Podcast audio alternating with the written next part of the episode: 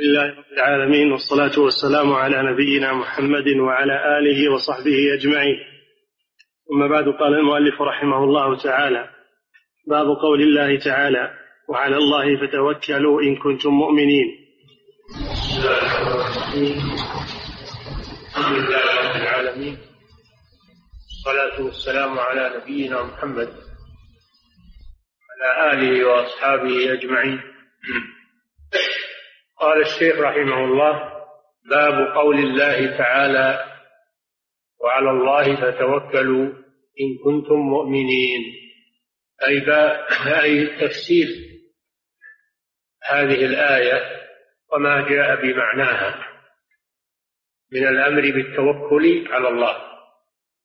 التوكل نوع من أنواع العبادة بل هو من أعظم أنواع العبادة.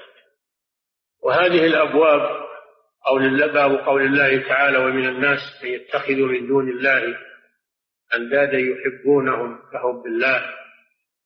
وباب قول الله تعالى إنما ذلكم الشيطان يخوف أولياءه. وهذا الباب وعلى الله يتوكلوا كلها أنواع المحبة والخوف والتوكل كلها من أنواع العبادة القلبية من أعمال القلوب. ولا شك أن من خاف من غير الله من أحب غير الله أو خاف من غير الله أو توكل على غير الله فإنه يكون مشركا لأنه أشرك بالله في عبادته. أشرك معه شريكا في المحبة أو في الخوف. أو في التوكل. وهذا ينافي التوحيد. التوكل معناه التفويض والاعتماد. تفويض والاعتماد. فتوكل على الله أي فوض أموره إليه واعتمد عليه. هذا هو التوكل. والاعتماد على الله جل وعلا. التوكل عليه. وجاء ذكر التوكل كثيرا في القرآن. تارة يكون مأمورا به وحده وعلى الله فتوكلوا وتارة يكون مقرونا بالعبادة فاعبده وتوكل عليه. والآيات في هذا كثيرة هي الأمر بالتوكل والثناء على المتوكلين. وهذه الآية وهي قوله تعالى الآية التي ترجم بها المصنف. هذه بعض آية في سورة المائدة في قصة موسى عليه السلام مع بني إسرائيل. لما أمرهم موسى أمر بني إسرائيل أن يدخلوا الأرض المقدسة. خرج بهم من مصر إلى فلسطين ليخلص المسجد الأقصى من المشركين من سيطرة المشركين عليه. خرج بهم وأمرهم أن يدخلوا الأرض المقدسة. هي أرض فلسطين ليخلصوا بيت المقدس. وكان في فلسطين أناس من المشركين لهم قوة وبأس شديد. فلذلك تلكأ بنو إسرائيل. قال تعالى وإذ قال وإذ قال موسى لقومه يا قوم ادخلوا الأرض المقدسة أي المطهرة. مقدسة يعني المطهرة لأنها أرض الأنبياء وفيها المسجد الأقصى الذي هو أحد المساجد الثلاثة التي كتب الله لكم لأن ولاية المساجد لا سيما المساجد الثلاثة يجب أن تكون للمؤمنين والمسلمين. لا يجوز أن يتولى عليها الكفار. يجب على المسلمين أن يخلصوها. إذا تولى عليها الكفار يجب عليهم أن يخلصوها وأن يجاهدوا في سبيل الله حتى يخلصوها من قبضة الكفار. ولا يجوز للمسلمين أن يتركوا الكفار يسيطرون على بيوت الله عز وجل ولا سيما الأرض المقدسة أو المسجد الحرام. أو مسجد الرسول صلى الله عليه وسلم أو غيرها من المساجد. ولكن هذه المساجد الثلاثة يجب تخليص المشركين يجب تخليص يجب تخليصها من الكفار والمشركين. يا أيها الذين آمنوا إنما المشركون نجس. فلا يقربوا المسجد الحرام بعد عامهم هذا. قال تعالى وهم يصدون عن المسجد الحرام وما كانوا أولياءه. إن أولياؤه إلا المتقون. وهنا يقول الأرض المقدسة التي كتب الله له. الله كتب أن الأرض المقدسة للمؤمنين من بني إسرائيل وغيرهم. فإذا كان بنو إسرائيل على الإيمان والتوحيد فإنهم هم أهل البيت المقدس بيت المقدس. ولكن لما كفروا بالله وانحرفوا وأشركوا بالله فإنهم ليس لهم ولاية على على المسجد الأقصى. ولا يحتجون بهذه الآية التي كتب الله لهم. كتبها الله لهم لما كانوا مؤمنين. كما قال تعالى ولقد كتبنا في الزبور من بعد الذكر أن الأرض يرثها عبادي الصالحون.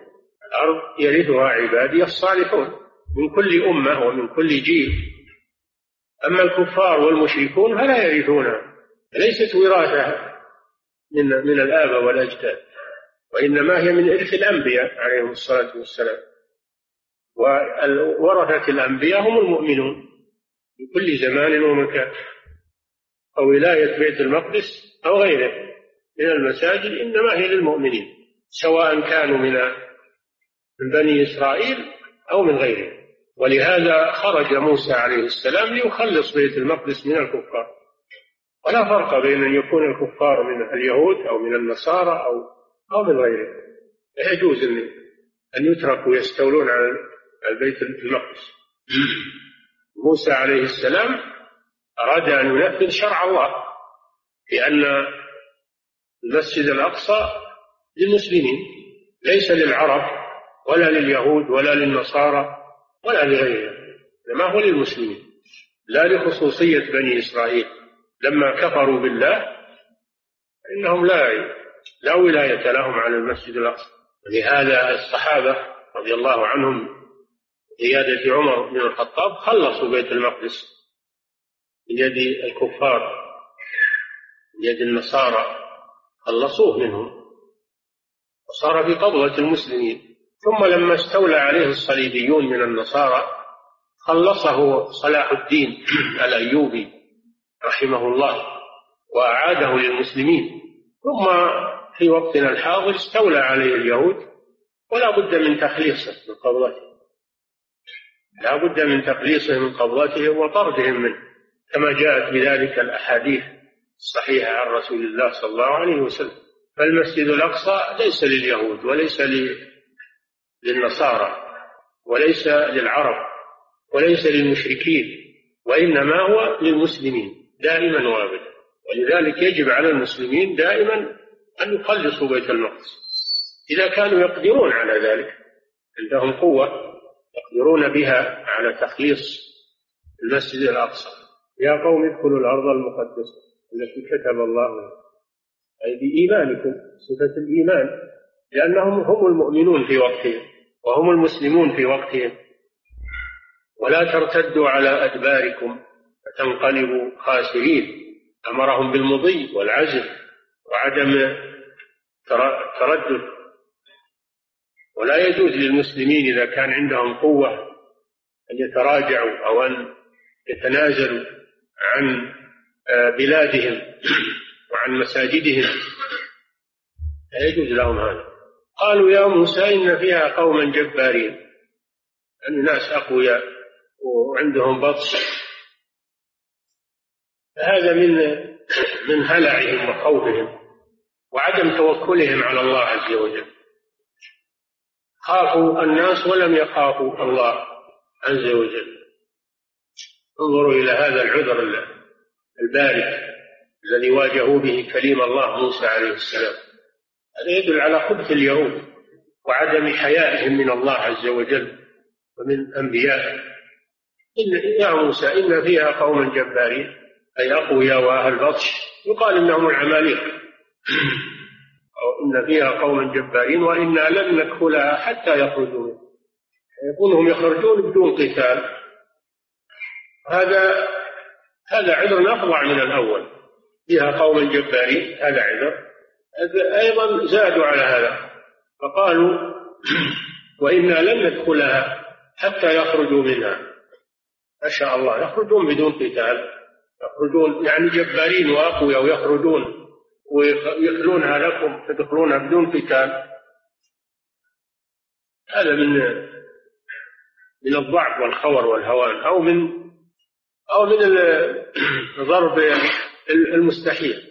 أنهم يقولون لموسى أبدا إنما ما ما حل المقاتلين ولا لكن إن حصل هذا بدون قتال نحن ندعو. قال رجلان من الذين يخافون أنعم الله عليهم. هؤلاء من صلحائهم ومن المؤمنين الصادقين نصحوهم. ادخلوا عليهم الباب. اعزلوا واهجموا عليهم. فإذا دخلتموه فإنكم غالبون. إذا دخلتم الباب عليهم أصابهم الرعب. إذا هجمتم عليهم أصابهم الرعب. أما أنهم يخرجون بدون أن تدخلوا عليهم هذا مستحيل. فإذا دخلتموه فإنكم غالبون. وعلى الله فتوكلوا هذا هو محل الشاهد. الذي يوقع فيهم الرعب والخوف عدم توكلهم على الله سبحانه وتعالى. ولذلك أمروهم بالتوكل على الله. ومن يتوكل على الله فهو حسبه. ولو أنهم توكلوا على الله وأطاعوا نبيهم وهجموا على الكفار لنصرهم الله. ثم أرادوا قتل مكة قالوا يا موسى إنا لن ندخلها أبدا ما جاءوا به اذهب أنت وربك فقاتلا إلا نحن نحن هناك فضل عن هذه المقابله والعياذ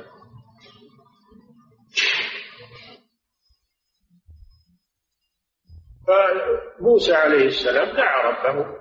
قال ربي إني لا أملك إلا نفسي واخي فافرق بيننا وبين القوم الفاسقين. فعاقبهم الله جل وعلا بالتيه قال فإنها محرمة عليهم أربعين سنة يتيهون في الأرض. أصاب فأصابهم التيه لا يدرون أين يذهبون. في البر. لا يدرون أين يذهبون. يتيهون في الأرض. أربعين سنة. قال فإنها محرمة عليهم أربعين سنة. لا يأوون إلى بلد ولا يدرون أين يذهبون. ولكن مع هذا لطف الله بهم أنزل عليهم المن والسلوى. ولما استسقى موسى طلب لهم الماء أمره الله أن يضرب الحجر بعصاه. فانفجرت منه اثنتا عشرة عينا. مع عتوهم وتمردهم الله جل وعلا لم يقطع عنهم. رزقهم فصاروا في التيه أربعين سنة. ومات موسى عليه السلام في التيه ودفن هناك عليه الصلاة والسلام. ثم مات هارون عليه السلام.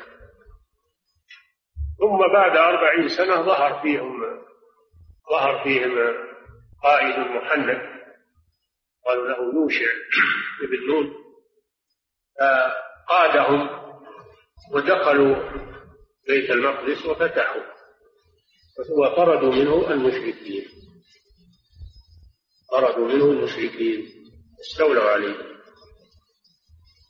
بقيادة يوشع بن نون وهو فتى موسى عليه السلام. حاصل أنهم لما توكلوا على الله وتأدبوا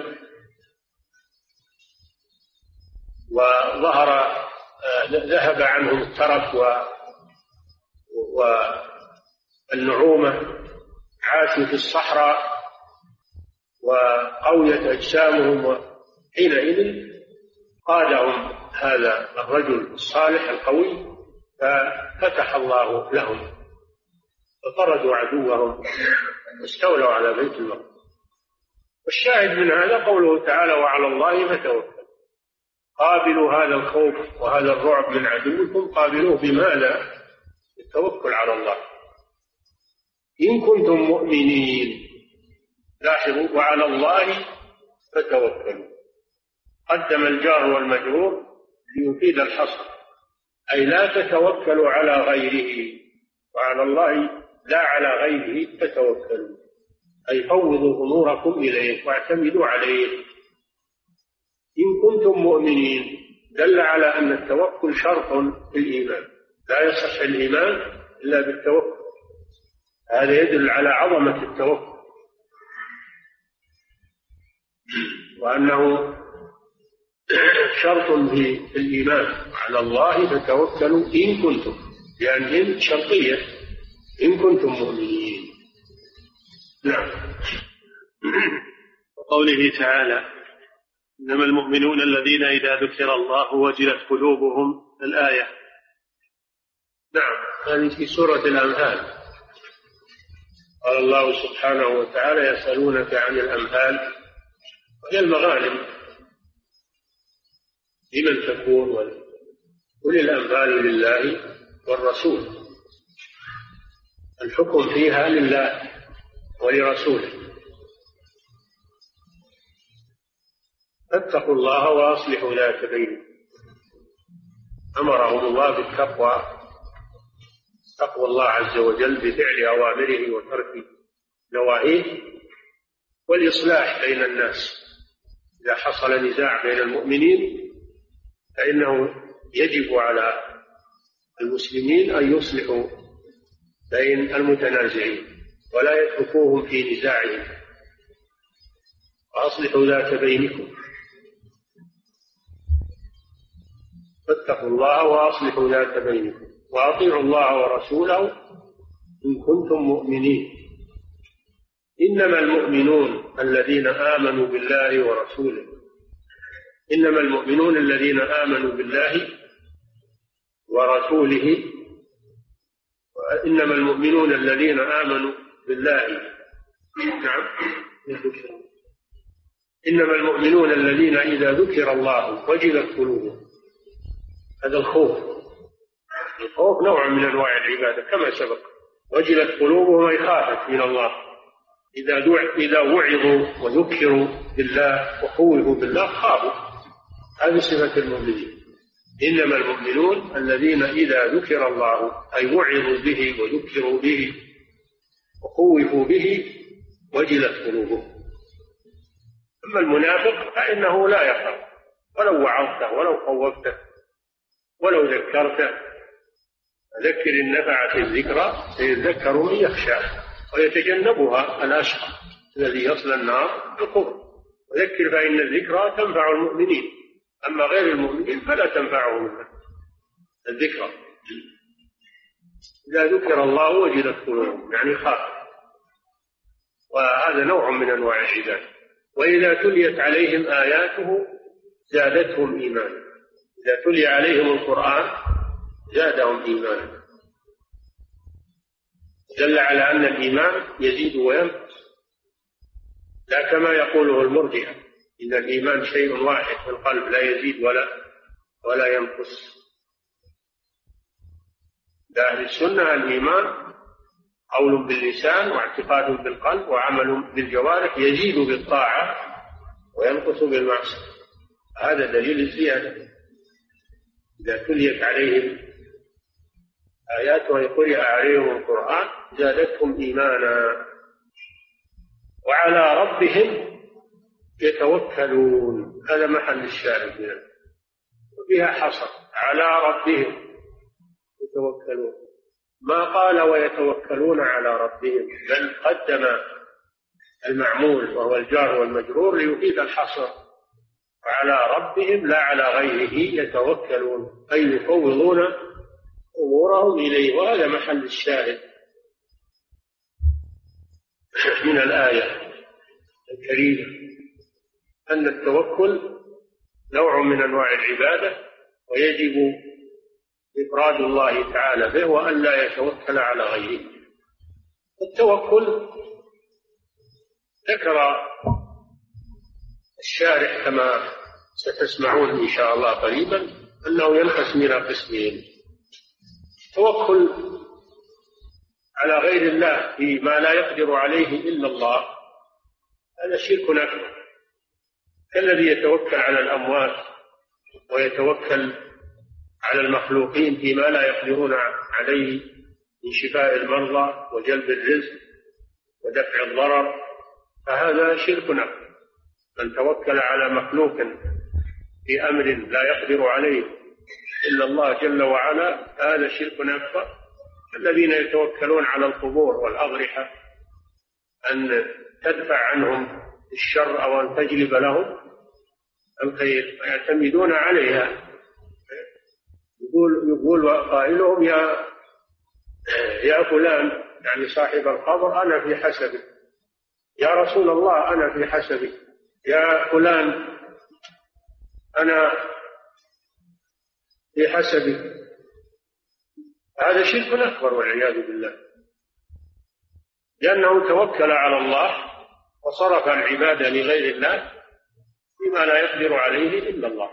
النوع الثاني أن يتوكل على العباد فيما يقدرون عليه. فيما يقدرون عليه. مثل أن يتوكل على ولي الأمر أو على تاجر من التجار أنه يعطيه شيئا مما يقدر عليه. فهذا شرك أصغر. هذا شرك أصغر.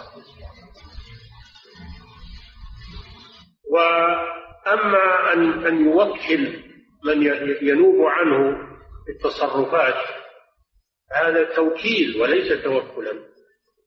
هذا توكيل ولا يقال للمفوض يقال له متوكل عليه وإنما يقال وكيل ولا تقل توكلت عليه وإنما تقول وكلتك أنت وكيلي. النبي صلى الله عليه وسلم وكل وكل من يشتري له ووكل من يذبح عنه الهدي ووكل عماله في قبض الزكوات وفي الدعوة إلى الله وفي أمور فلهم القيام بها.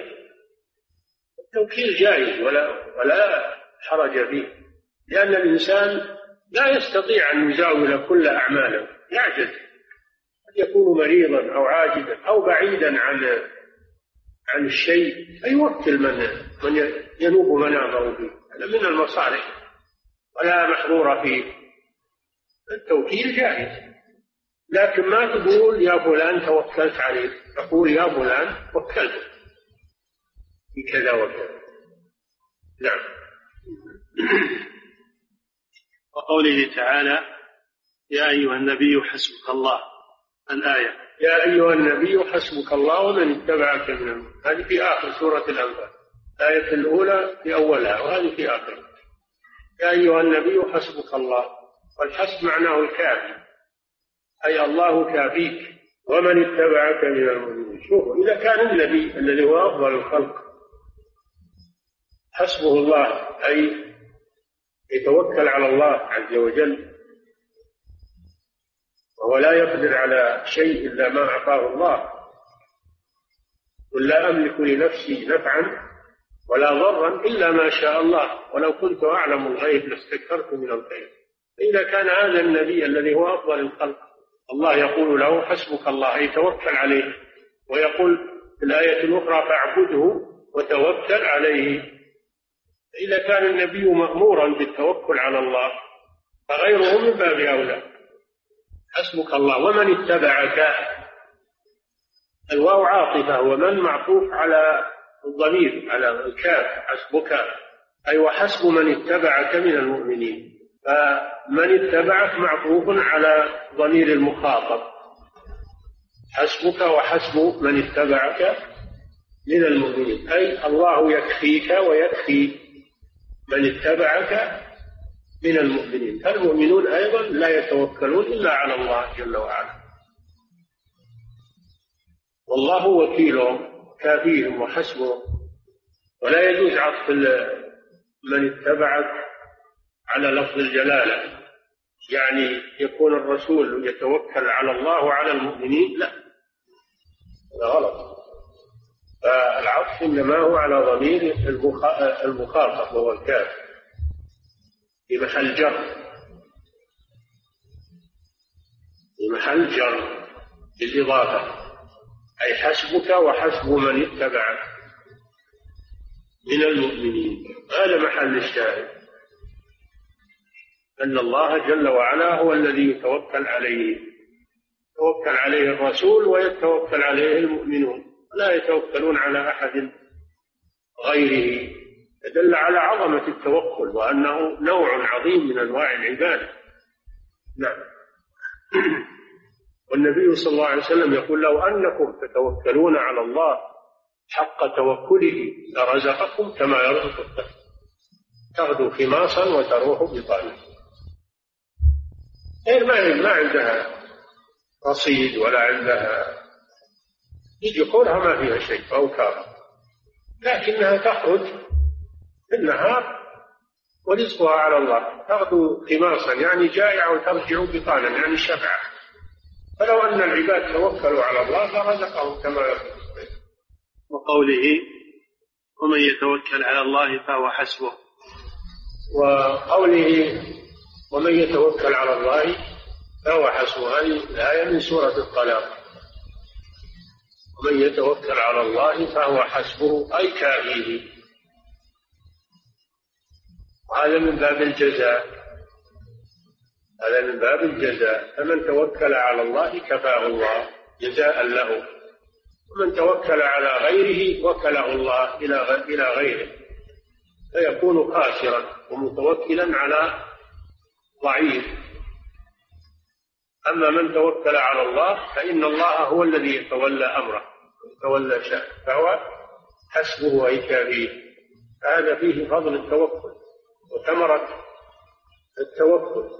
ثمرته أن الله يكون حسب من توكل عليه أي أن الله يكفيه أموره وما يهمه نعم عن ابن عباس رضي الله عنهما قال حسبنا الله ونعم الوكيل. قالها إبراهيم عليه السلام حين ألقي في النار.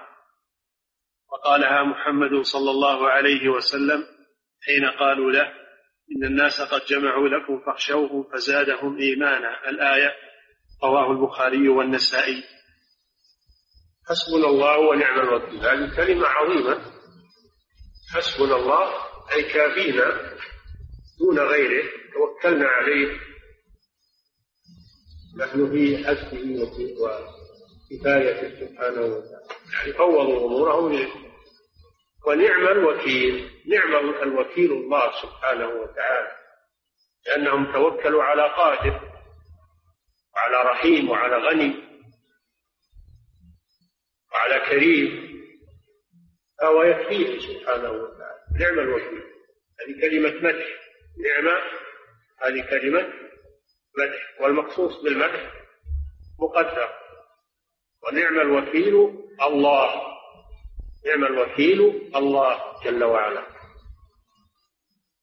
هذه الكلمة العظيمة قالها إبراهيم عليه السلام حينما ألقي في النار كما ذكر الله جل وعلا أنه لما كسر أصنامهم أولا أنكر عليهم ودعاهم إلى عبادة الله فلم يمتثلوا وتمردوا.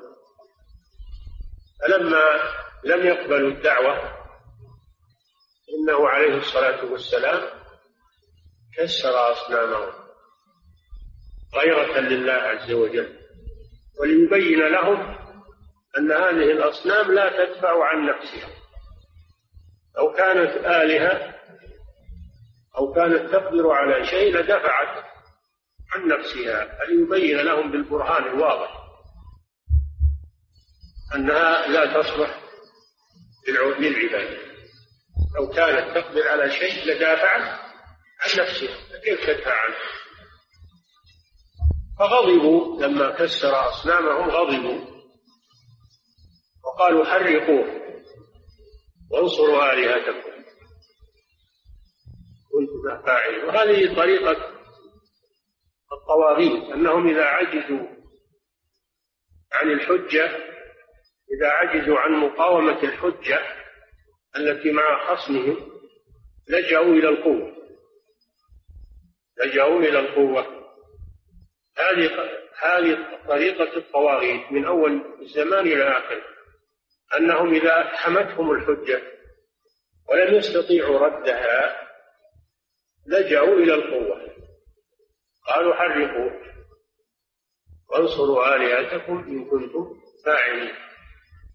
وبزعمهم أنهم سيتمكنون من تحريم لكن لا لم يتمكنوا. لماذا؟ لأن إبراهيم متوكل على الله سبحانه متوكل على الله. فقاموا وجمعوا حطبا عظيما وأوقدوا فيه النار العظيمة. التي ارتفع لهبها في الجو. حتى إن الطير إذا مرت في الجو سقطت من من قوة لهبها. ثم أحضروا المنجنيق وهو آلة يقذفون بها الشيء. المنجنيق مثل ما تقول المدفع الآن. آلة يضعون فيها الشيء ثم يقذفونه إلى مكان بعيد مثل مثل المدافع. وجاءوا بإبراهيم فوضعوه في المنجنيق ليقذفوه في النار.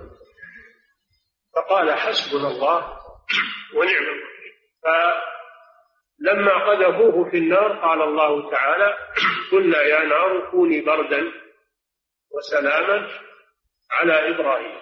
فأصبحت روضة خضراء. بردا وسلاما. لم يقل بردا فقط لئلا يضره البرد بل قال وسلاما على إبراهيم.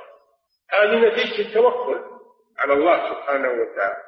إبراهيم ما معه قوة ولا معه شيء يقاوم هذه الأمة الجبارة العاتية وهذا النمرود الملك الجبار.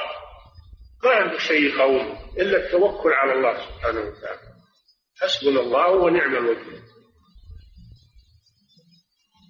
أما من يقول إن الصوفية إن, إن جبريل عرض له وقال له ادعو الله أن يخلصك فقال حسبي من سؤال علمه بحالي هذا كذب. هذا كذب على قليل الله. هذا معناه أن الدعاء لا ينفع عند الصوفية. الصوفية يرون أن الدعاء ما ينفع.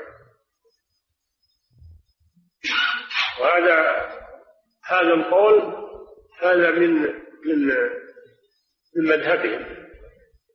قال حسبي من سؤال علمه بحالي لا الدعاء. الدعاء أمره عظيم.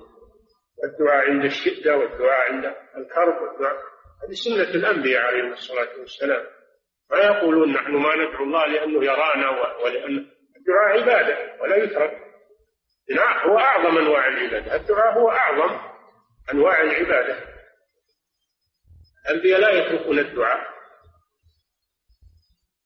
يدعونه في الرخاء والشدة ودائما وأبدا لأنه أعظم أنواع العبادة. هذا القول موضوع ومكذوب على إبراهيم عليه الصلاة والسلام. وضعه الصوفية الذين لا يرون أن الدعاء له فائدة. حسبنا الله ونعم الوكيل. قالها إبراهيم فماذا كانت النتيجة؟ قال الله للنار يا نار كوني بردا وسلاما على إبراهيم. أمرها الله سبحانه وتعالى. فانقادت لأمر الله عز وجل وصارت بردا وسلاما ونجاه الله منه. أرادوا به كيدا فجعلناهم الأخسرين. نجاه الله منه. نتيجة أنه كان متوكلا على الله. ولا يكفي أنه متوكل على الله في قلبه بل لا بد أن ينطق.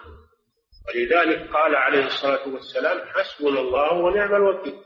هذا دعاء. هذا دعاء. دعاء عبادة.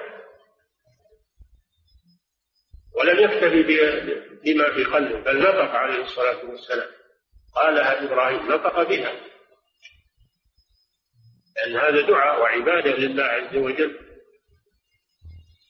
وقالها محمد صلى الله عليه وسلم حينما قالوا له إن الناس قد جمعوا لكم فاخشوا هذا بعد وقعة أحد كما مر بكم. بعد وقعة أحد ولما حصل على المسلمين ما حصل فيها من القرح الابتلاء والامتحان بسبب أنهم خالفوا أمر النبي صلى الله عليه وسلم في ترتيب المجاهدين. خالفوا ترتيب الرسول صلى الله عليه وسلم لهم عاقبهم الله عز وجل وأدار الدائرة عليهم. فقتل منهم من قتل. وانصرف المشركون راجعين إلى مكة. ومعهم الأحزاب من القبائل. معهم من القبائل الذين تألبوا على رسول الله صلى الله عليه وسلم. فمر بهم ركب مر بالمشركين ركب. فقالوا لهم أين تذهبون؟ قالوا إلى المدينة. قالوا بلغوا محمدا وأصحابه أننا سنرجع إليهم ونستأصلهم عن آخرهم. فجاء الركب وبلغوا الرسول صلى الله عليه وسلم. فما كان منه هو ومن معه إلا أن قالوا حسبنا الله ونعم الوكيل. يعني ما يهمنا تهديدهم. لأننا متوكلون على الله جل وعلا وهو حسبنا ونعم الوكيل. ثم أمر صلى الله عليه وسلم أصحابه الذين حضروا وقعة أحد خاصة أن يخرجوا فخرجوا وفيهم الجراح. ولم يخرج معهم غيرهم ممن لم يحضر الغزوة. خرجوا ونزلوا في مكان يترقبون العدو. فلما علم العدو بخروجهم أصابه الرعب. وقال ما خرجوا إلا وفيهم قوة. فهربوا إلى مكة. فانقلبوا بنعمة من الله وفضل. لم يمسسهم سوء. واتبعوا رضوان الله. والله ذو فضل عظيم. إنما ذلكم الشيطان. يخوف أولياء فلا تخافوهم وخافوني إن كنتم مؤمنين. هذه عبرة وعظة عظيمة وفيها أن التوكل على الله حق التوكل أنه له ثمرة ثمار عظيمة في الدنيا والآخرة. من توكل على الله كفاه ومن يتوكل على الله فهو حسبه. انظروا لما توكل رسوله وأصحابه على الله دفع الله عنهم كيد عدوهم وألقى الرعب في قلوب أعدائهم. فولوا خاسئين. ورجع المسلمون منتصرين ومأجورين. لم يمسسهم سوء واتبعوا رضوان الله. هذه نتيجة التوكل على الله وعدم الانخذال. قارنوا بين هذا وبين قول بني إسرائيل إنا لن ندخلها حتى يخرجوا منها. إنا لن ندخلها ما داموا فيها. فاذهب أنت وربك فقاتلا؟ إن هنا قاعدون. قارنوا بين هؤلاء وهؤلاء. أولئك لم يتوكلوا على الله فخذلهم الله. وهؤلاء توكلوا على الله فنصرهم الله وأعزهم وأوقع الرعب في قلوب أعدائهم. هذه ثمرة التوكل على الله سبحانه وتعالى. نعم.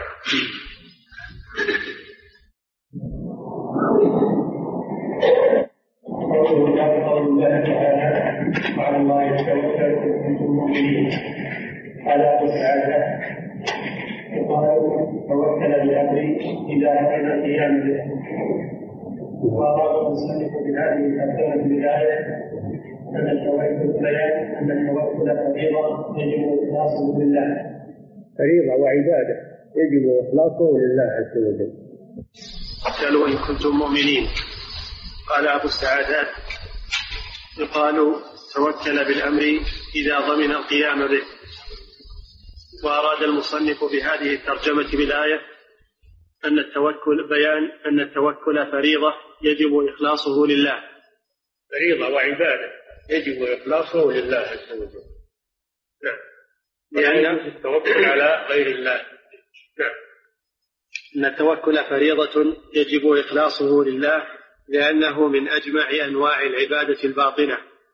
الباطنة يعني التي في القلب. لأن العبادات تكون على القلب وتكون على الجوارح وتكون على اللسان. العبادة اسم جامع لكل ما يحبه الله ويرضاه من الأعمال والأقوال الظاهرة والباطنة. هذا تعريف شيخ الإسلام رحمه الله. وهو تعريف جامع مانع لأنواع العبادة الظاهرة والباطنة. ظاهرة على اللسان والجوارح والباطنة في القلب. نعم. فإن تقديم المعمول يفيد الحصر. تقديم المعمول وهو الجار والمجرور وعلى الله يفيد على العامل يفيد الحصر أي حصر التوكل على الله دون غيره. نعم. فلا يحصل كمال التوحيد بأنواعه الثلاثة إلا بأنواعه الثلاثة. توحيد الربوبية توحيد الألوهية وتوحيد الأسماء والصفات. لا يحصل هذا إلا بالتوكل نعم. فلا يحصل كمال التوحيد بأنواعه الثلاثة إلا بكمال التوكل على الله. كما في كمال كمال التوحيد بكمال كمال التوكل. أما أصل التوكل فلا بد منه. وإذا فقد أصل التوكل فليس هناك توحيد. نعم. فلا يحصل كمال التوحيد بأنواعه الثلاثة إلا بكمال التوكل على الله كما في هذه الآية. قال الإمام أحمد التوكل عمل القلب.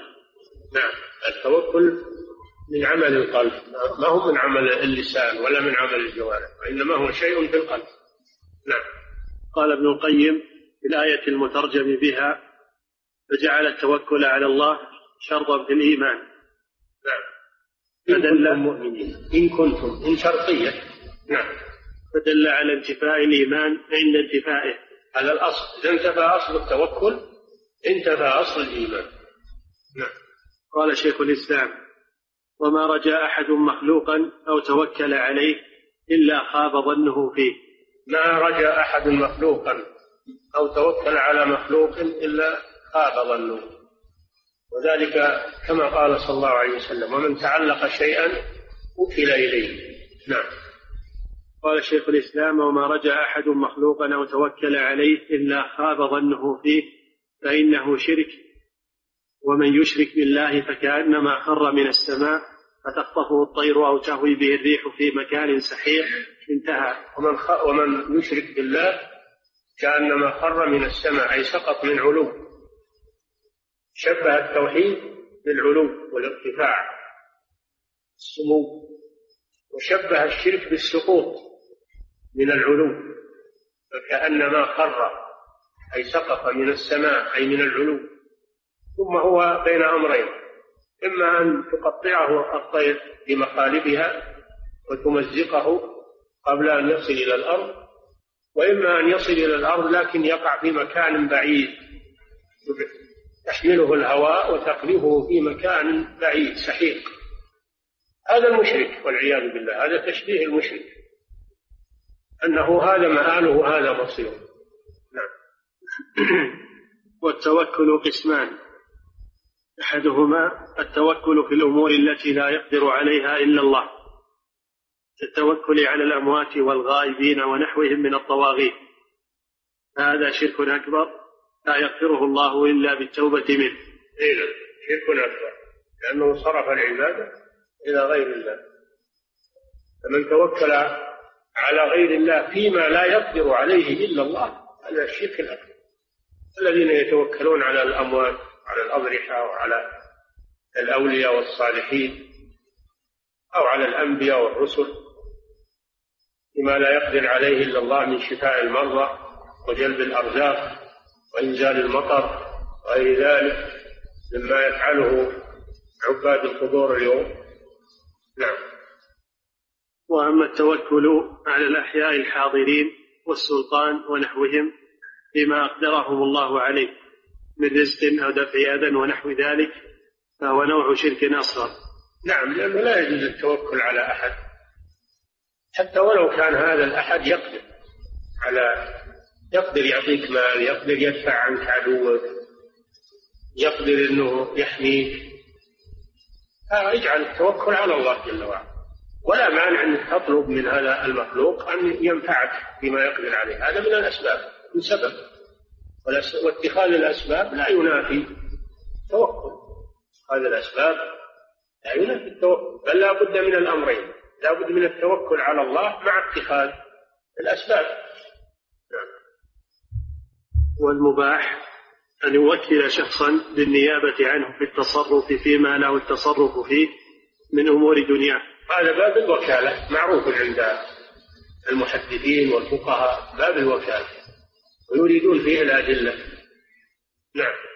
كالبيع والشراء والإجارة والطلاق والعتاق وغير ذلك. هذا من عقود الإرفاق. من عقود الإرفاق وهي بذل النفع للموكل ومساعدته. عقد إرفاق وإحسان إليه. هذا جائز بل هو مستحب. أقول مستحسن هذا مستحسن لأنه من التعاون. نعم. هذا جائز بالإجماع. لكن لا يقول توكلت عليه صاحب هذا ما تقول توكلت عليك يا فلان إنما تقول وكلتك. ما تقول توكلت لأن التوكل عبادة لا يكون إلا لله. أما التوكيل هذا التفويض هو جائز. نعم. لكن لا يقول توكلت عليه بل يقول وكلته. فإنه لو وكله فلا بد أن يتوكل في ذلك على الله سبحانه. نعم لا بد إذا وكل وكيلا أن يتوكل على الله. يتوكل على الله. فلما آتوه موثقهم قال الله على ما نقول وكيل. أنت توكل من يتصرف عنك مع التوكل على الله في أن تحصيل المطلوب لا يقدر عليه إلا الله ما هو يقدر عليه الوكيل؟ الله هو الذي يقدر على تحصيل المطلوب. نعم. قوله وقول الله تعالى إنما المؤمنون الذين إذا ذكر الله وجلت قلوبهم الآية قال ابن عسر هذا حصر. إنما المؤمنون هذا باب الحصر. إنما المؤمنون الذين إذا ذكر الله وجلت قلوبهم هذا من صفاته. وإذا تليت عليهم آياته زادتهم إيمانا. وعلى ربهم يتوكلون. هذه ثلاث صفات. أعلاها التوكل على الله سبحانه وتعالى. وقال على ربهم يفيد الحصر. لا على غيره الذين يقيمون الصلاة هذه صفة رابعة. ومما رزقناهم ينفقون هذه صفة خامسة. أولئك هم المؤمنون حقا. نعم. قوله وقول الله تعالى إنما المؤمنون الذين إذا ذكر الله وجلت قلوبهم الآية. قال ابن عباس في الآية المنافقون. وهذه هذه هاتان الآيتان فيهما دليل على أن الإيمان قول وعمل لأن هذه أعمال. بعضها أعمال قلوب وبعضها أعمال جوارح. إذا ذكر الله وجلت قلوبهم. هذا بالقلب هذا عمل قلب وإذا تليت عليهم آياته زادتهم إيمانا هذا عمل قلب وعلى ربهم يتوكلون هذا عمل قلب الذين يقيمون الصلاة هذا عمل جوارح. ومما رزقناهم ينفقون هذا عمل جوارح. الإيمان إذن هو يشمل أعمال القلوب وأعمال الجوارح. نعم. قال ابن عباس رضي الله عنهما في الآية المنافقون لا يدخل في قلوبهم شيء من ذكر الله عند أداء فرائضه. ولا المنافقون يصلون. يصلون ويزكون ويصومون ويجاهدون. هذا في الظاهر من أجل تحصيل مصالحهم يتظاهرون بالإسلام. لكن قلوبهم كافرة. ليس فيها يقين. وهم لا يعملون الأعمال هذه آه، إيمانا بالله. ورغبة فيما عند الله وإنما يعملونها ليتوصلوا بها إلى مطامعهم الدنيوية لتحقن دماؤهم وتسلم أموالهم ويعيشوا مع المؤمنين. وليس في قلوبهم توكل على الله. قال ابن عباس نعم. المنافقون لا يدخل في قلوبهم شيء من ذكر الله عند أداء فرائضه ولا يؤمنون بشيء من آيات الله ولا يتوكلون على الله ولا يصلون إذا غابوا ولا يصلون إذا كانوا مع الناس إذا أنهم غاب الواحد منهم أو انفردوا وحدهم لا يصلون. فإذا لقوكم قالوا آمنا وإذا خلوا إلى شياطينهم قالوا إنا معكم إنما نحن مستهزئون. نعم. ولا يصلون إذا طاوع هذولا إحنا إذا صرنا معهم نصلي نخاف منهم. لكن عندنا حريتنا. ما معنى أحد من المطاوع نعم. يقولونها اليوم هذا. كل قوم لهم وارث. نعم. ولا يصلون إذا غابوا ولا يؤدون زكاة أموالهم. فأخبر الله تعالى أنهم ليسوا بمؤمنين. ثم وصف المؤمنين فقال إنما المؤمنون الذين إذا ذكر الله إذا ذكر الله وجلت قلوبهم فأدوا فرائضه رواه ابن جرير وابن أبي حاتم. هذا أثر عظيم عن ابن عباس رضي الله عنه. يبين فيه الفرق بين المؤمن والمنافق. نعم. وقال السدي في قوله الذين إذا ذكر الله وجلت قلوبهم هو الرجل يريد أن يظلم أو قال يهم بمعصية فيقال له اتق الله فيوجل قلبه. رواه ابن أبي شيبة وابن جرير. علامة المؤمن أنه إذا هم بمعصية وذكر بالله ونصح أنه يخاف من الله عز وجل فيترك المعصية. خوفا من الله عز وجل. وأما المنافق فإنه لا يزيده ذلك إلا تمردا وإذا قيل له اتق الله أخذته العزة بالإثم. حسبه جهنم وبئس المهاد. نعم. قوله وإذا تليت عليهم آياته زادتهم إيمانا. استدل الصحابة والتابعون ومن تبعهم من أهل السنة بهذه الآية ونظائرها على زيادة الإيمان ونقصانه. نعم. هذا من تعريف الإيمان أنه يزيد بالطاعة وينقص بالمعصية. هذا من أدلتهم هذه الآية من أدلتهم وإذا تليت عليهم آياته زادتهم إيمانا. نعم. قوله وعلى ربهم يتوكلون أي يعتمدون عليه ويفوضون إليه أمورهم فلا يرجون سواه ولا يقصدون إلا إياه وهو من أعظم الأسباب في حصول المطالب الدنيوية والأخروية. وليس معنى ذلك أنهم يعطلون الأسباب النافعة بل يأخذون بالأسباب يجمعون بين التوكل على الله والأخذ بالأسباب. فاللي يترك الأسباب ويقول أنا متوكل على الله. هذا عاجز عجاز مذموم. واللي يأخذ الأسباب ولا يتوكل على الله هذا مشرك. ولهذا يقول العلماء ترك الأسباب آه، الاعتماد على الأسباب شرك وترك الأسباب قدح في الشرع ترك الأسباب قدح في الشرع تنقص للشرع والاعتماد على الأسباب شرك.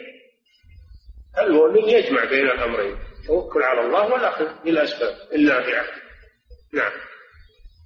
وفي الآية وصف المؤمنين النبي صلى الله عليه وسلم لما أراد أن يخرج إلى أحد لبس درعين ظاهر بين درعين من الحديد هذا سبب من الأسباب سبب للوقاية مع أنه نبي الله ورسول الله.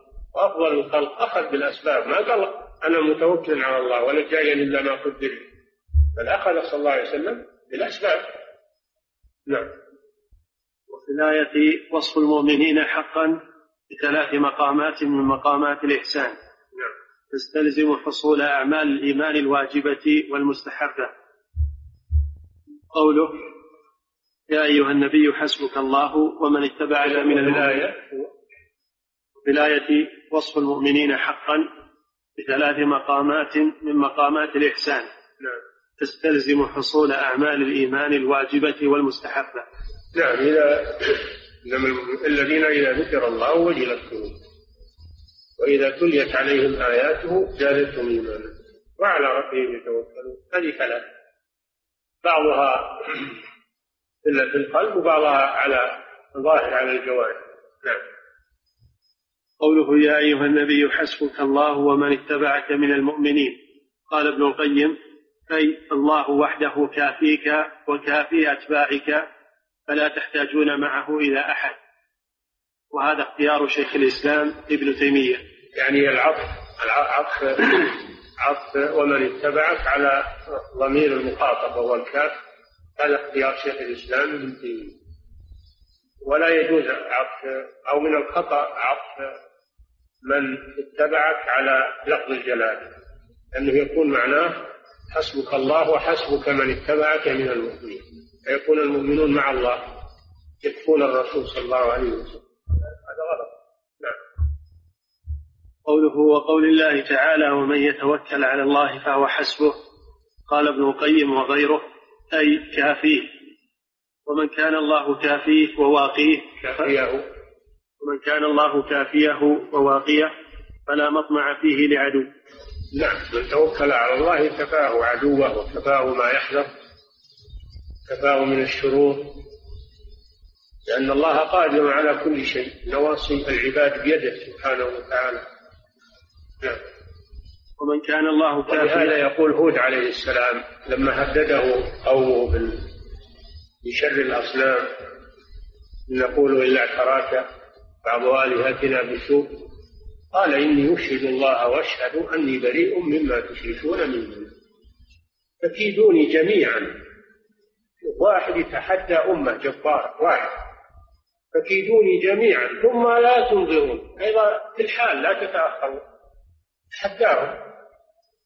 ما السبب في هذا؟ إني توكلت على الله ربي وربكم. ما من دابة إلا هو آخذ بنصيته إن ربي على صراط مستقيم. فكفاه الله شره كفاه الله شره سبب توكله على الله عز وجل. نعم. ومن كان الله كافيه وواقيه فلا مطمع فيه لعدو. نعم. ولا يضره إلا أذى لا بد منه كالحر والبرد والجوع والعطش. أشياء عادية. أشياء من عادتها أنها تضر. كالبرد والحر والجوع والعطش. هذه عادية اسمها أشياء عادية. نعم. وأما أن يضره بما يبلغ به مراده فلا يكون أبدا. قال بعض يعني يفيد له أحد ويستطيع أحد من الناس أنه يضره وهو متوكل على الله هذا لا يكون أبدا. لكن بشرط أن يكون متوكلا على الله حقيقي. نعم. قال بعض السلف جعل الله لكل عمل جزاء من نفسه وجعل جزاء التوكل عليه نفس كفايته. نعم. فقال ومن يتوكل على الله فهو حسبه أي كافيه. كل عمل له جزاء من جنسه. كما قال صلى الله عليه وسلم الله في عون العبد ما كان العبد في عون أخيه فجعل الجزاء من جنس من جنس العمل وجعل جزاء التوكل أن الله يكفي من توكل عليه. نعم. فقال ومن يتوكل على الله فهو حسبه أي كافيه فلم يقل فله كذا وكذا من الأجر كما قال في الأعمال. نعم. بل جعل الله سبحانه نفسه كافي عبده المتوكل عليه وحسبه وواقيه. فلو توكل العبد على الله حق توكله وكادته السماوات والأرض ومن فيهن فجعل الله له مخرجا وكفاه ونصره. انتهى. قوله عن ابن عباس رضي الله عنهما قال حسبنا الله ونعم الوكيل. قالها إبراهيم عليه السلام حين ألقي في النار وقالها محمد صلى الله عليه وسلم حين قالوا له إن الناس قد جمعوا لكم فاخشوهم فزادهم إيمانا. الآية. رواه البخاري. قوله حسبنا الله تقدم معناه. قوله ونعم الوكيل أي نعم من توكل عليه المتوكلون. ومخصوص نعمة محذوف تقديره نعم الوكيل الله. نعم. قوله قالها إبراهيم صلى الله عليه وسلم حين ألقي في النار. قال تعالى قالوا حرقوه وانصروا آلهتكم إن كنتم فاعلين. قلنا يا نار كوني بردا وسلاما على إبراهيم. الآية. قوله وقالها محمد صلى الله عليه وسلم حين قالوا له إن الناس قد جمعوا لكم فاخشوهم فزادهم إيمانا وقالوا حسبنا الله ونعم الوكيل. وذلك بعد منصرف قريش والأحزاب من أحد. فمر بهم ركب من عبد القيس فقال أبو سفيان أين تريدون؟ قالوا نريد المدينة. قال هل أنتم مبلغون عني محمد الرسالة؟ قالوا نعم.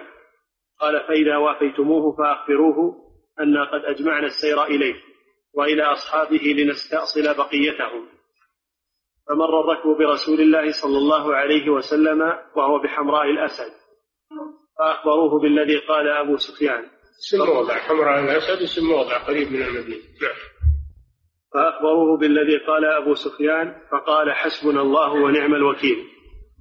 وفي الحديث إذا وقعتم في الأمر العظيم فقولوا حسبنا الله ونعم الوكيل. يعني مخلصة. إذا وقعت في أمر عظيم من الشدة ومن الحرب فقل هذه الكلمة. نعم. الله ونعم الوكيل. مثل ما قالها الخليلان في في أعظم شدة وأضيق حال قالوا قالها فأنجاهم الله جل وعلا. نعم. يقول فضيلة الشيخ وفقكم الله. قرأت لبعضهم أن المسلمين لن ينتصروا حتى يأتي ذلك اليوم الذي أخبر عنه الرسول صلى الله عليه وسلم. ألا وهو يوم ينطق الحجر والشجر. هل كلامهم هذا صحيح. وهل نصر المسلمين على اليهود في آخر الزمان مرتبط بذلك؟ لا هذا الكلام ما هو صحيح. هذا قنوط من رحمة الله عز وجل. المسلمون إذا استعانوا بالله عز وجل واجتمعت كلمتهم على الإسلام فسينتصرون بإذن الله كما انتصر من قبلهم. فالأمر مربوط برجوعهم إلى الله وتعاونهم فيما بينهم على جهاد أعداء الله في أي زمان وفي أي مكان. من يقول ما هو حاصل هذا إلا وقت كذا وش يدري عنه وش الدليل عليه. نعم. يعني هذا قنوط من من رحمة الله. نعم. يقول فضيلة الشيخ وفقكم الله نسمع من بعض الناس قولهم يجب تكثيف الجهود لتحرير مقدساتنا الإسلامية والمسيحية من اليهود.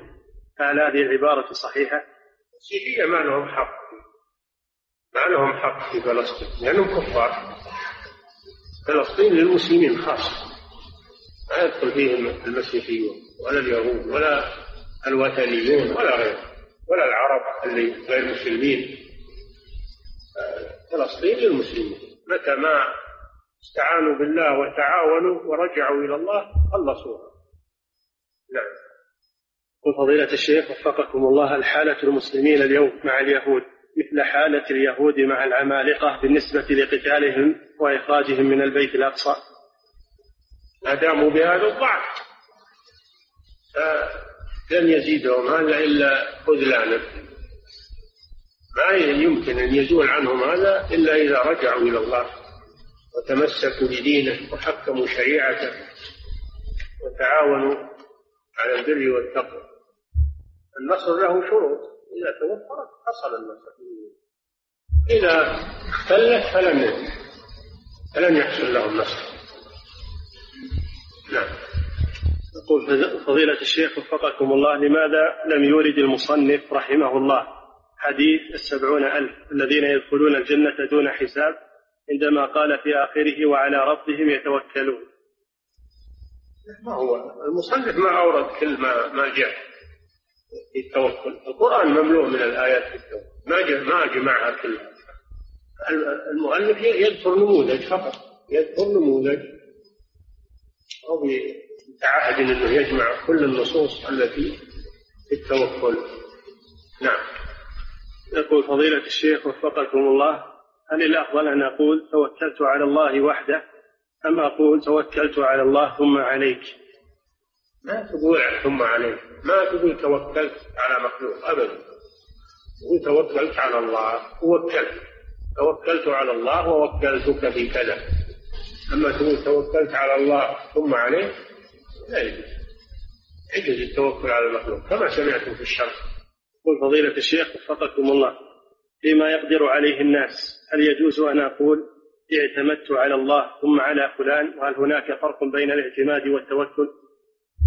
نعم قلت اعتمدت على الله ثم عليك ما في لأنه ما ورد نهي عن هذا. أما التوكل الله حصره له سبحانه. وعلى الله فتوكل على الله هذا حصر. أما الاستعانة فلا بأس أنك تستعين بالمخلوق فيما يقدر عليه. والنبي صلى الله عليه وسلم يقول والله في عون العبد ما كان العبد في عون أخيه. ويقول جل وعلا وتعاونوا على البر والتقوى. يجوز الاستعانة بالمخلوق فيما يقدر عليه. نعم. يقول فضيلة الشيخ وفقكم الله ما صحة أن جبريل قال لإبراهيم عليهما السلام هل لك من حاجة؟ فقال إبراهيم عليه السلام أما منك فلا وأما من الله فنعم. هذه ذكرها شيخ الإسلام محمد بن عبد الوهاب في كشف الشبهات. ولم يجزم قال يروى أو يروى أن أنه حصل كذا ما جزم به. لذلك لكن هي ما فيها شيء ما فيها محلول أن إبراهيم عليه السلام أخلص التوكل على الله ولم يطلب من المخلوق شيئا. أخلص التوكل على الله ولم يطلب من المخلوق شيئا. والإنسان إذا ترك المباح توكلا على الله فلا هذا من كمال التوكل. من كمال التوكل. لا يكتوون ولا آه، يسترقون وعلى ولا يكتوون وعلى ربهم يتوكلون. فإذا تركه من باب قوة التوكل على الله هذا شيء حسن. نعم. فضيلة الشيخ وفقكم الله هل يجوز أن أقول لمن أخطأ علي أو ظلمني حسبي الله ونعم الوكيل؟ إذا كان إذا كان إنه معتدي وظالم لا بأس أن تقول حسبي الله ونعم الوكيل. أما إذا كنت أنت الظالم لا تقول هذا. نعم. يقول فضيلة الشيخ وفقكم الله جاءت النصوص بزيادة الإيمان فهل هناك دليل على نقصانه؟ نعم هناك دليل على نقصانه.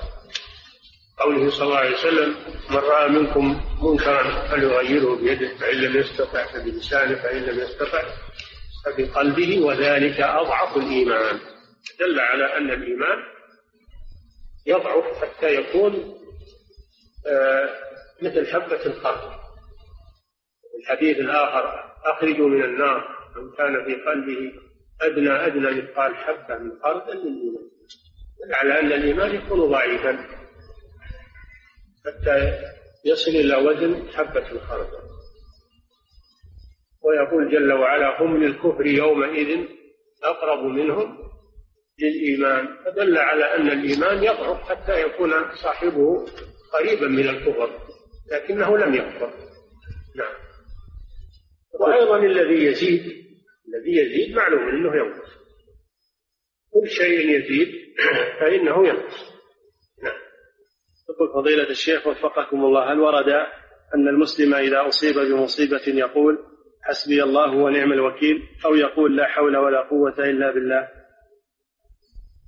يقول ما أمر ما, ما أمر الله جل وعلا أو ما أرشد الله إليه بقوله الذين إذا أصابتهم مصيبة قالوا إنا لله وإنا إليه راجعون. وما أرشد إليه النبي صلى الله عليه وسلم فإن أصابك شيء فلا تقل لو أني فعلت كان كذا وكذا ولكن قل قدر الله وما شاء فعل أو قدر الله وما شاء فعل. نعم. يقول فضيلة الشيخ وفقكم الله. طلب الواسطة هل هي من التوكل على المخلوق؟ هذا من الأسباب. طلب الواسطة في المباح هذا من ال... فيما يقدر عليه ما تقدر عليه الواسطة. هذه شفاعة حسنة وهي من الأمر المباح. من الأمر المباح. نعم. أما إذا كانت الشفاعة سيئة تطلب واسطة يتوسط لك في حصول مكروه أو محرم أو اعتداء على أحد هذا لا يجوز هذه شفاعة سيئة. نعم. يقول فضيلة الشيخ وفقكم الله من ترك العلاج كإجراء عملية جراحية فهل هذا من ترك عمل الأسباب أم هو حقيقة في التوكل؟ العلاج مباح. عند الحنابلة مباح. ليس بمستحب ولا واجب ولا محرم ولا مكروه مباح مستوي الطرفين إن شئت تعالج عالج وإن شئت نعم يقول فضيلة الشيخ وفقكم الله هل عدم سؤالي لله تعالى وطلب الرزق منه وذلك باعتمادي على الراتب الشهري يقدح في التوكل؟ هنا نعم. إذا اعتمدت عليه ويقدح إذا اعتمدت على أي شيء من دون الله هذا يقدح نعم. فضيلة الشيخ وفقكم الله ما حكم قول الشخص وشاءت قدرة الله أن تكون الأمور كذا وكذا لا هذا لا يجوز. ما تضاف الأمور إلى القدرة إنما تضاف إلى الله. تقول شاء الله ما تقول شاءت قدرة الله لأن هذا يوهم أن القدرة غير الله. تقول ما شاء الله ولا تقل شاء قدرة الله. نعم. يقول فضيلة الشيخ وفقكم الله الشرك الأصغر ما هو الراجح فيه؟ هل هو داخل تحت المشيئة أو لا؟ الراجح والله أعلم أنه يعني تحت المغفرة ويغفر ما دون ذلك لمن يشاء. الراجح أنه ما يدخل أنه لا بد من تعذيبه لكنه لا يخلد في النار. ولا بد من تعريفه إن الله لا يغفر أن يشرك به هذا يشمل الأكبر والأصغر. فلا بد من تعريفه لكن لا يخلد في النار كما يخلد صاحب الشرك الأكبر. بل هو كسائر الكبائر التي دون الشرك الأكبر. إن شاء الله آه، يعني يعذب يعذب النار ولكن لا يخلد فيها. نعم. أما الكبائر لغير الشرك الأصغر فهذه إن شاء الله عذب بها وإن شاء غفرها بدون تعذيب. نعم. يقول فضيلة هو الراجح وبعض العلماء يقول لا يدخل في الكبائر التي دون الشرك إن شاء الله غفر وإن شاء عذب. ولكن الذي يظهر هو القول الأول أنه لا بد من تعذيبه ولكن لا يكون مثل الشرك الأكبر. هذا يدل على خطورة الشرك وإن كان أصلا نعم يقول فضيلة الشيخ وفقكم الله هل يوشع بن نون نبي أم لا؟ هو فتى موسى عليه السلام ولا أدري هل هو نبي أو ما نبي الله أعلم نعم يقول فضيلة الشيخ وفقكم الله ما الحكم في لبس الكرافتة هل هي من التشبه بالكفار؟ وش الداعي للبس الكرافتة؟ الداعي لها وش فيها مصلحة. بل إنهم يقولون إنها تقليد لتعليق الصليب. المسلم ما هو معلق الصليب راح يحط هذه قارب يعني قارب لتعليق الصليب. ما ما فيها خير. لا خير فيها. تركها لا شك إنه أبعد عن التشبه وأبعد عن المحذور. نعم. يقول فضيلة الشيخ وفقكم الله. ذكرتم حفظكم الله في درس سابق أن الإنسان إذا رأى المنكر وهو قادر على تغييره ولم يغيره حياء أو مجاملة فإنه يدخل في الشرك الأصغر.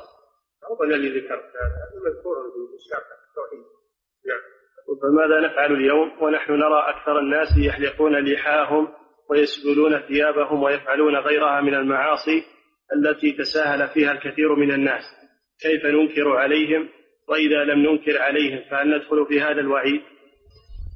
إذا لم تنكر عليهم حياء منهم أو خوفا منهم تدخل في هذا الوعيد. وش اللي يضربك لا مسكت يده وهمست بذنه بالشافي ترى ترى أخ لي وأنا مشفق عليك. ونصحته. وش اللي يضرك في هذا؟ تحصل على أجر. ولعله بعد يعني يخجل ويتوب إلى الله. يراجع نفسه. فإذا تركت هذا فلا شك أن هذا خطأ. نعم. لكن إن كان تركته خوفا منه أو خوفا من غيره أنه يصيبك هذا يكون شركنا يكون شركنا أصغر. نعم. الله تعالى أعلم وصلى الله وسلم على نبينا محمد وعلى آله وصحبه.